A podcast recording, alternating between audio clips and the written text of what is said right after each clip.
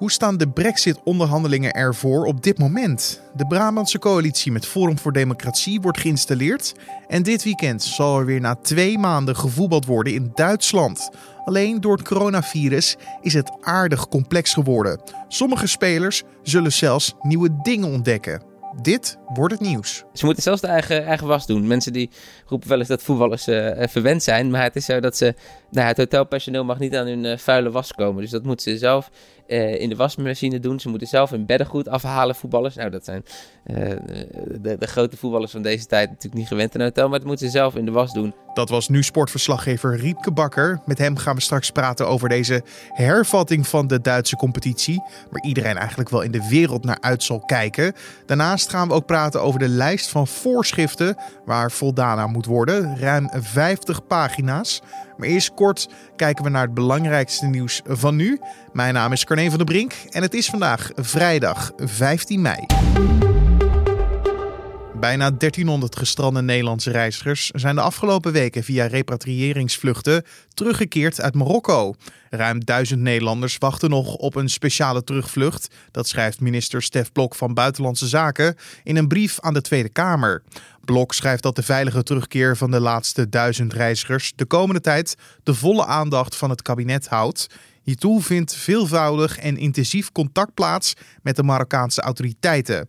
De reden dat zoveel Nederlanders vastkwamen te zitten in Marokko is dat het Noord-Afrikaanse land vergaande maatregelen nam om het coronavirus tegen te gaan. Estland, Letland en Litouwen hebben hun grenzen geopend voor reisverkeer binnen het gebied. De Baltische staten zijn daarmee de eerste landen binnen de Europese Unie die een zogenaamde reisbubbel hebben gecreëerd. Door het openen van de grenzen is het reizen binnen de Baltische staten weer mogelijk. Reizigers die van buiten het gebied komen, moeten nog wel 14 dagen in isolatie verblijven. De landen hebben hiertoe besloten omdat ze ongeveer in dezelfde fase zitten. Eind april werden de lockdowns in de landen al opgeheven en het aantal nieuwe besmettingen is stabiel laag. En volgens de laatste cijfers van de John Hopkins University zijn er wereldwijd meer dan 300.000 doden als gevolg van het coronavirus gemeld. De meeste sterfgevallen zijn te betreuren in de Verenigde Staten. Daar stierven ruim 85.000 mensen aan de gevolgen van het virus. Ook het Verenigd Koninkrijk is zwaar getroffen. Het Amerikaanse instituut baseert zich voor deze telling op gegevens van de Wereldgezondheidsorganisatie en landelijke autoriteiten. Bij deze cijfers geldt, net als bij de dagelijkse cijfers die het RIVM naar buiten brengt, dat het niet alle sterfgevallen als gevolg van het coronavirus betreft, alleen die al getest zijn. Twee vissers die sinds 2 april werden vermist vanaf de Marshall-eilanden zijn na 42 dagen op de Stille Oceaan teruggevonden.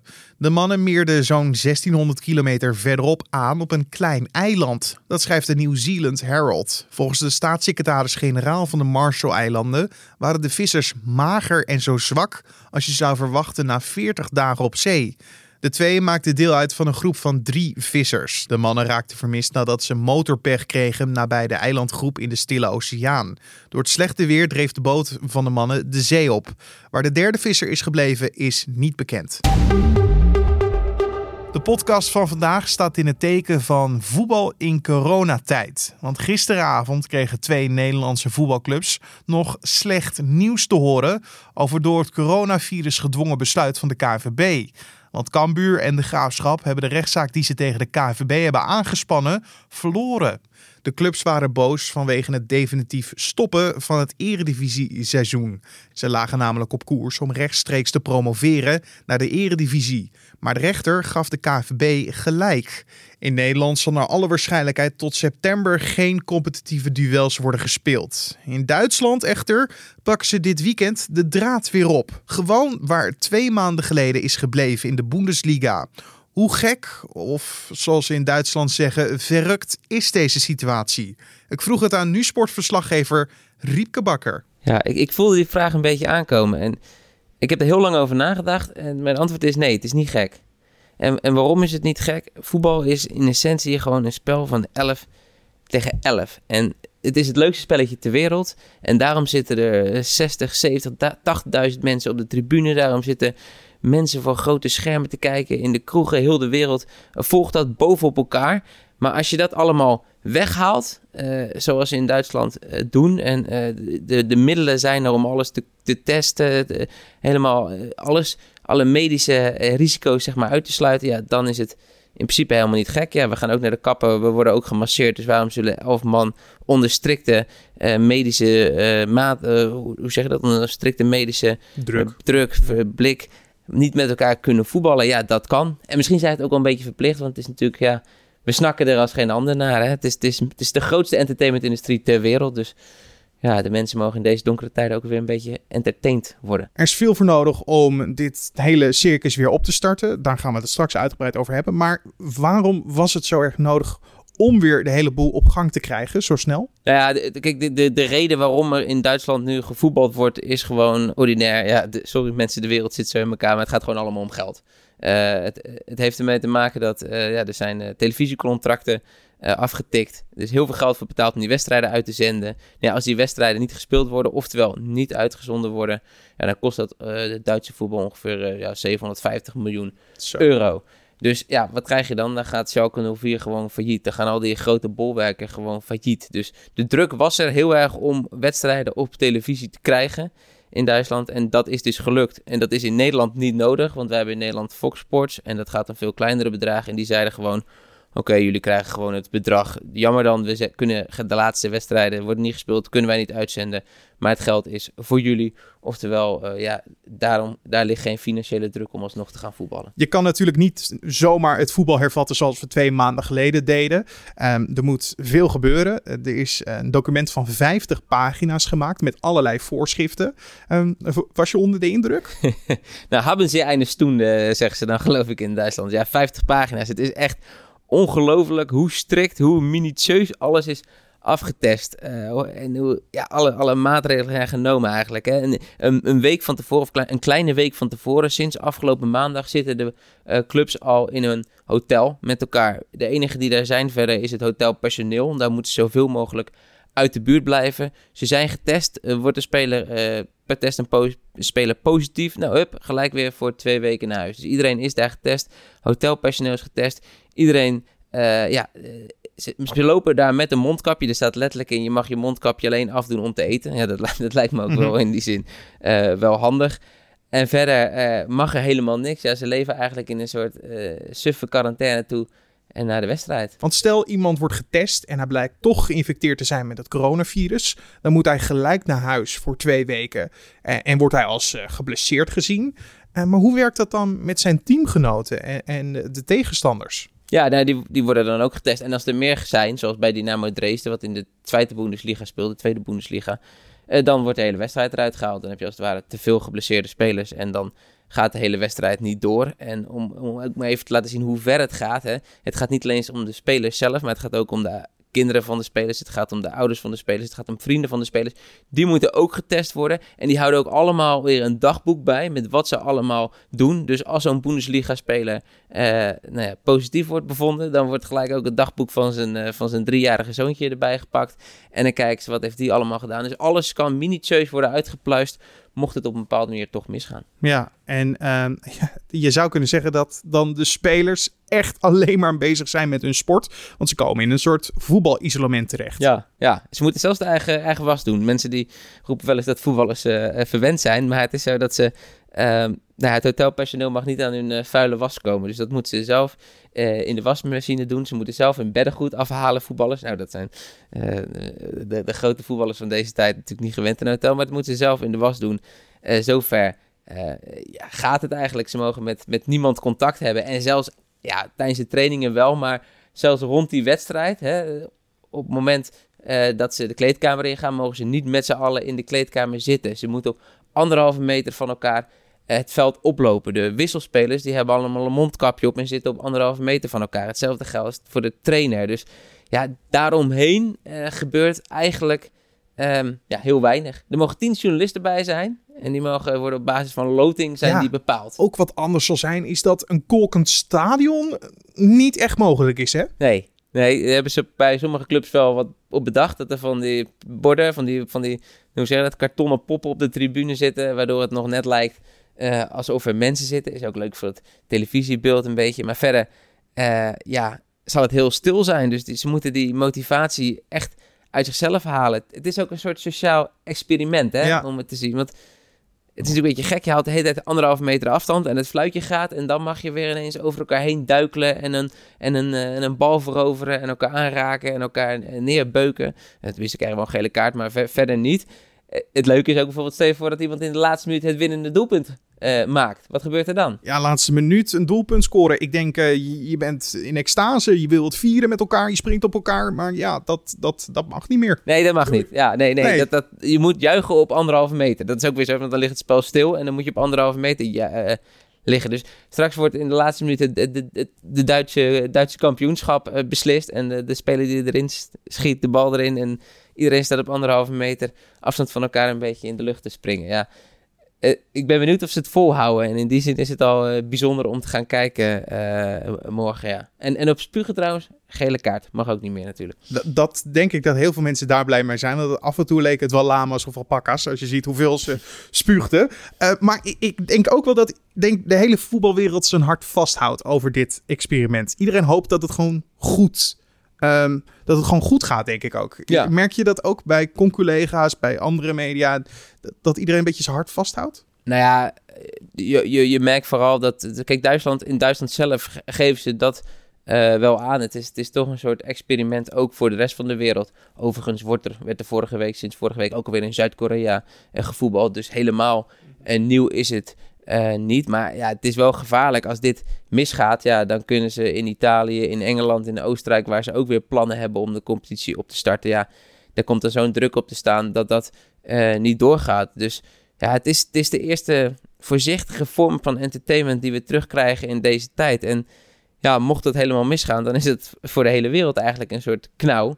En mocht het goed gaan, dan is het toch voor een hele wereld ook weer een soort opbeurend iets van... Oké, hey, er kan weer onder bepaalde omstandigheden gevoetbald worden. We hebben weer een stukje eh, entertainment terug. Ja, en voor Duitsland is het natuurlijk ook gewoon prestige. Zij kunnen aan de wereld laten zien... Kijk, wij hebben het eh, op de beste manier onder controle, die corona ja, wij zijn de eerste, de, het eerste echte grote land wat weer begint. Nou ja, dan mogen ze zich wel een beetje op de borst slaan als het, als het goed gaat. En als het misgaat, dan eh, ja, zijn ze een voorbeeld van hoe het niet moet. Riepke, ik zal alleen eerlijk met je zijn. Ik ben niet de grootste kenner van de Bundesliga. Bijvoorbeeld het afgelopen seizoen heb ik geen één wedstrijd gezien. Ik, ik weet dat het bij Fox Sports te zien was. Op het derde of vierde kanaal. Maar dan keek ik eigenlijk altijd naar de Eredivisie-wedstrijden. Eh, dus kan jij me een beetje wijsmaken? Op wie moet ik letten? Nou, het, leuke, kijk, de hele Bundesliga is eigenlijk gewoon Bayern München de laatste jaren. Dat is veruit de rijkste club. En daardoor is die Bundesliga ook de laatste jaren niet zo heel erg spannend meer. Hè. Sinds 2013 is Bayern altijd kampioen geworden. Dus de, die echte spanning, die, die zit er niet in. Alleen dat is dit jaar wel een beetje anders. Eh, dit is lang geleden. Ik moest even twee maanden terug in de tijd. Maar eh, ja, Bayern staat op dit moment maar vier puntjes voor op Dortmund. Met nog negen speelronden te gaan. Leipzig staat er vrij kort achter op vijf punten. Dus het is eigenlijk hopen op die historische stunt dat een van die clubs die veel minder mogelijkheden heeft, het grote Bayern München, die alle goede spelers van Duitsland opkoopt. Dus jij een goede voetballer hebt, dan speelt hij volgend jaar bij, bij Bayern München in Duitsland. Al die goede spelers worden opgekocht. Dus het zou zo'n stunt zijn als Dortmund of Leipzig erin slaagt om Bayern te verslaan. En ja, misschien dat deze gekke omstandigheden wel eh, iets meer een, een, een loterijtje van maken. Waardoor het eh, ja, best wel op een bepaalde manier heel erg leuk en spannend kan worden. En ook, eh, dus er spelen heel veel Nederlanders in de competitie. En ook twee trainers. Ja, Dat maakt het extra leuk, denk ik. Ja, Schreuder, Hoffenheim, Bos, bij, bij Leverkusen. Heel veel spelers. Ehm, als ik er eentje moet noemen, nou ja, eh, mag ik zo vrij zijn. Er is een spits bij Bayern München, 18 jaar, Joshua Sirkzee. Eh, in de jeugd bij ADO gevoetbald, in de jeugd bij Feyenoord gevoetbald.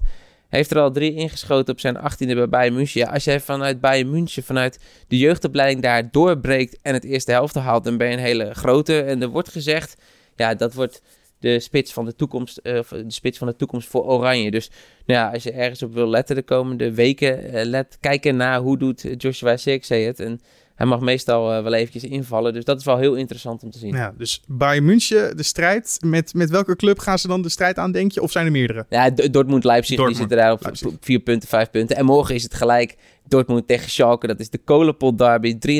83.000 toeschouwers. Oh nee, niet normaal gesproken 83.000 toeschouwers op de tribune. En dat is voor de regio een hele belangrijke wedstrijd. Dus het, het, het gaat wel weer, echt wel weer ergens opborgen. En uh, zo te horen ga jij ook kijken? Ja, nee, tuurlijk. Ik, ik, ik hunker naar dit moment. Um, ja, eigenlijk ja, half vier de, de, samen met de, de, dochter. En ik weet niet, ik, heb, ik denk niet dat mijn vriendin mee wil kijken. maar ja, het is, het is gek. Want vroeger, een paar weken geleden, zeiden we nog... Ja, zonder publiek, geen, helemaal niks aan, joh. Dat we moeten niet doen. Maar we beseffen in deze tijd dat... Ja, als we ooit voetbal willen kijken binnen een half jaar ja, dan zullen we accepteren dat het moeten accepteren dat het zonder publiek is. Ja, en dan krijg je dus dat je na zo'n lange tijd zo waar ja, uitkijkt naar voetbal zonder publiek als de bal maar rolt. Dat was nu sportverslaggever Riepke Bakker. En ja, met zo'n lijst van voorschriften is het maar de vraag wanneer het een keer fout zou kunnen gaan.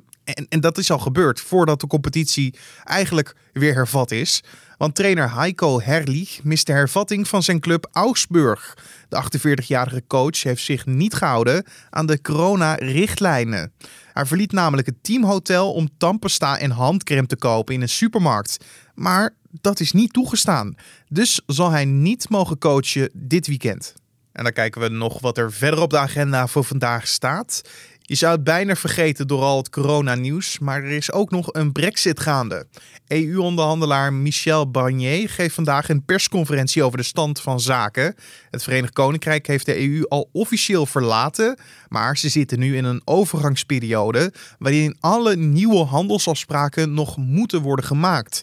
En dat heeft haast. Ze hebben nu tot eind van het jaar, anders volgt er een harde brexit. Het tijdspad was al krap voor zulke grote onderhandelingen en toen lagen ze ook nog een paar weken stil vanwege de coronacrisis. En in het provinciehuis in Den Bosch wordt vandaag het nieuwe Brabantse College van Gedeputeerde Staten geïnstalleerd.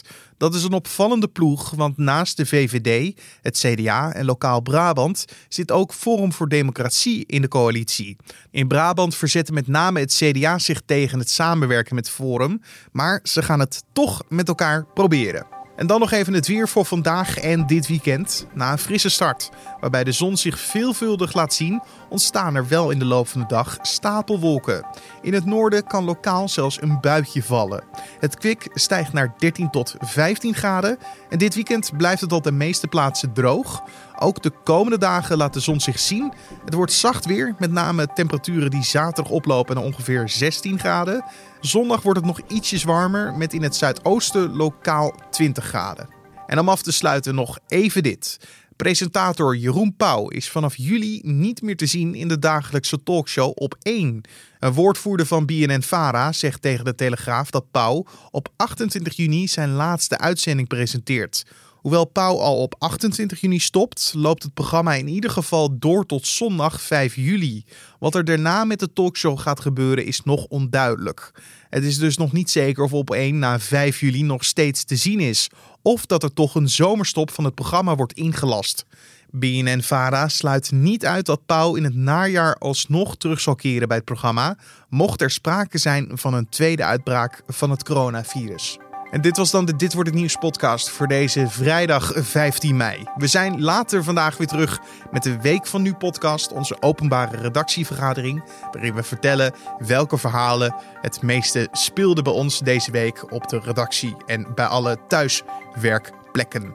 Um, verder kan je ons altijd gewoon een mailtje sturen naar podcast.nu.nl als je feedback hebt of suggesties of iets waar we misschien uh, aandacht aan kunnen besteden ooit. Laat het vooral weten via ons mailadres podcast.nu.nl.